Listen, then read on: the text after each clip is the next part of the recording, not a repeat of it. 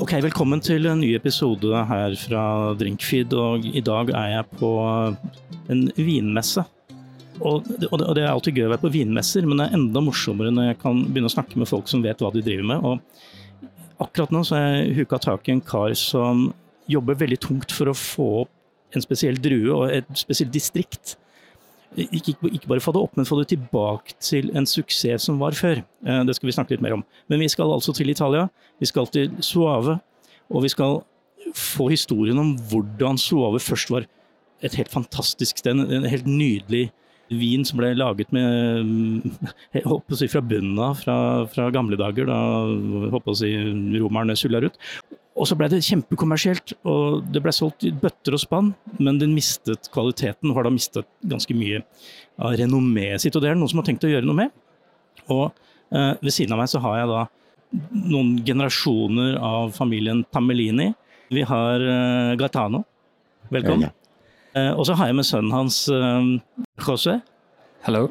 Was that uh, approximately the right name? Yeah, yeah. So, Gaetano, can you, can you tell the story about your ancestral uh, way of doing the grape and, and why you would lift the Tamellini up in, uh, in Soave? Our story is uh, very simple because uh, uh, we started that three generations ago. My grandfather uh, grow, um, grow grapes for to sell to Cooperativa Vosoave. My grandfather Ettore founded uh, the Cooperativa Vosoave with uh, 30 other people for to grow our place and uh, to know the Garganega in all the world. Uh, to pass the time, the, the Society of Cooperativa Vosoave changed the idea because uh, in that time that mm, 1930 to 1960 before there uh, there more more quantitative the volume especially for the USA when I started to uh, to work uh, in my family about uh, in 1984 we started after the uh, I've studied agriculture. I start uh, uh, to work, but uh, I'm not uh, satisfied that that uh, that the um, politic uh, of the, the cooperative because in that time I changed the the idea for to to make a cooperative that uh, quality and quantitative and uh, about in 1995 i propose with other people to change the, uh, the administration of Cooperativa Soave. And then in 1998, uh, about in the March, or, and end of the March the 1998, there was the, the, the, um, the um, vote, the vote, the vote uh, for to change the administration. But uh, in that time, uh, some people uh, uh, afraid for uh, to change uh, radically the quantitative and the eh, qualitative. And then eh, eh, we, I don't change this idea. And in 1998, we, we uh, decide with uh, my brother to stop with the cooperative because uh, not to find the this ideology and in that time uh, born my my son my daughter my first daughter Chiara. And then uh, it, it, was uh, a particular day when I I mm, give it to test my our recioto to make a recioto di Soave for uh, Marca de Grazia to win Italy.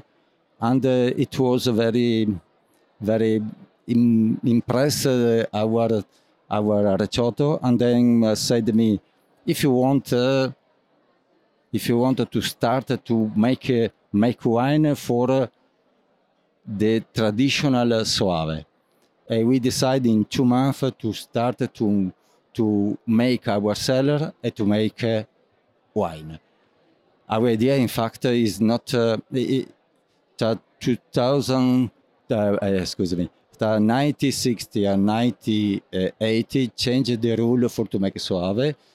Not uh, it is possible to put inside the 65 percent of Garganica uh, in the original uh, 35 to uh, Trebbiano di Soave. But uh, in that uh, period, to change the rule, put inside for to make Soave uh, 35 the other variety of the grapes for that idea is uh, for uh, mm, better qualitative. But it's not true because uh, Garganega is not aromatic uh, variety of the grapes. is uh, simply variety, not aromatic. And uh, if you put inside uh, 10, uh, 10% for or Chardonnay or Sauvignon, change total the, the perfume and the taste for uh, the, the Garganega. Garganega compares, the Garganega lose our characteristic. And we decided to make uh, the traditional Soave only Garganega 100%. And this uh, our philosophy is what you want to give to to the people to test the typical Eh, typical variety in other uh, in diverse eh, in different way to make this. In fact, produce Soave Doc, produce a cru che si chiama Albine, under the sparkly wine, it, was uh, the particular wine make uh, us mm, the first because in 2009 to make the Garganega, sparkling Garganega, it, it was the first to make the Method Classic. Så Der fikk vi altså litt av bakgrunnshistorien for hvor de er nå. og De går tilbake til å lage en 100% Garnagica-drevet vin.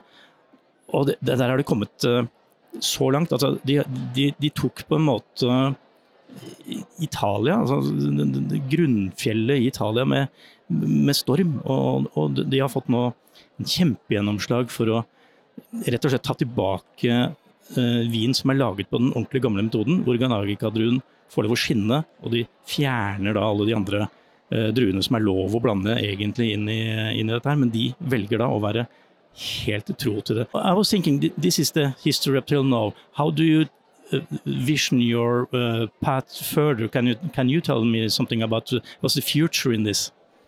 Uh, we'll uh, for sure experiment many other Uh, ways in which uh, Garganega can uh, express its nature and its distinctive characteristics to, to express our terroir.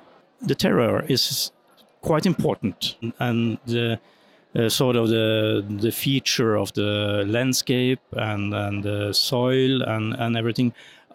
Do you do any particular thing to um, maintain that and to develop it?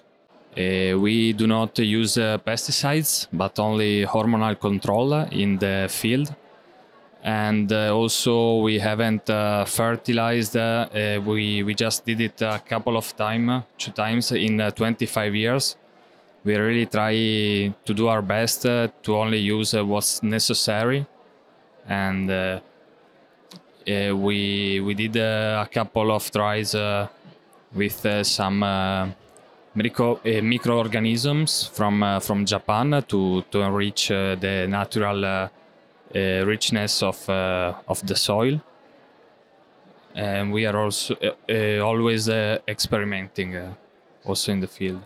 And then for to make the high quality qualitative of the wine is uh, the, to have uh, in in the field uh, the equilibrate to vegetable to production uh, therefore uh, not not uh, not use um, fertili fertilizate for this this reason.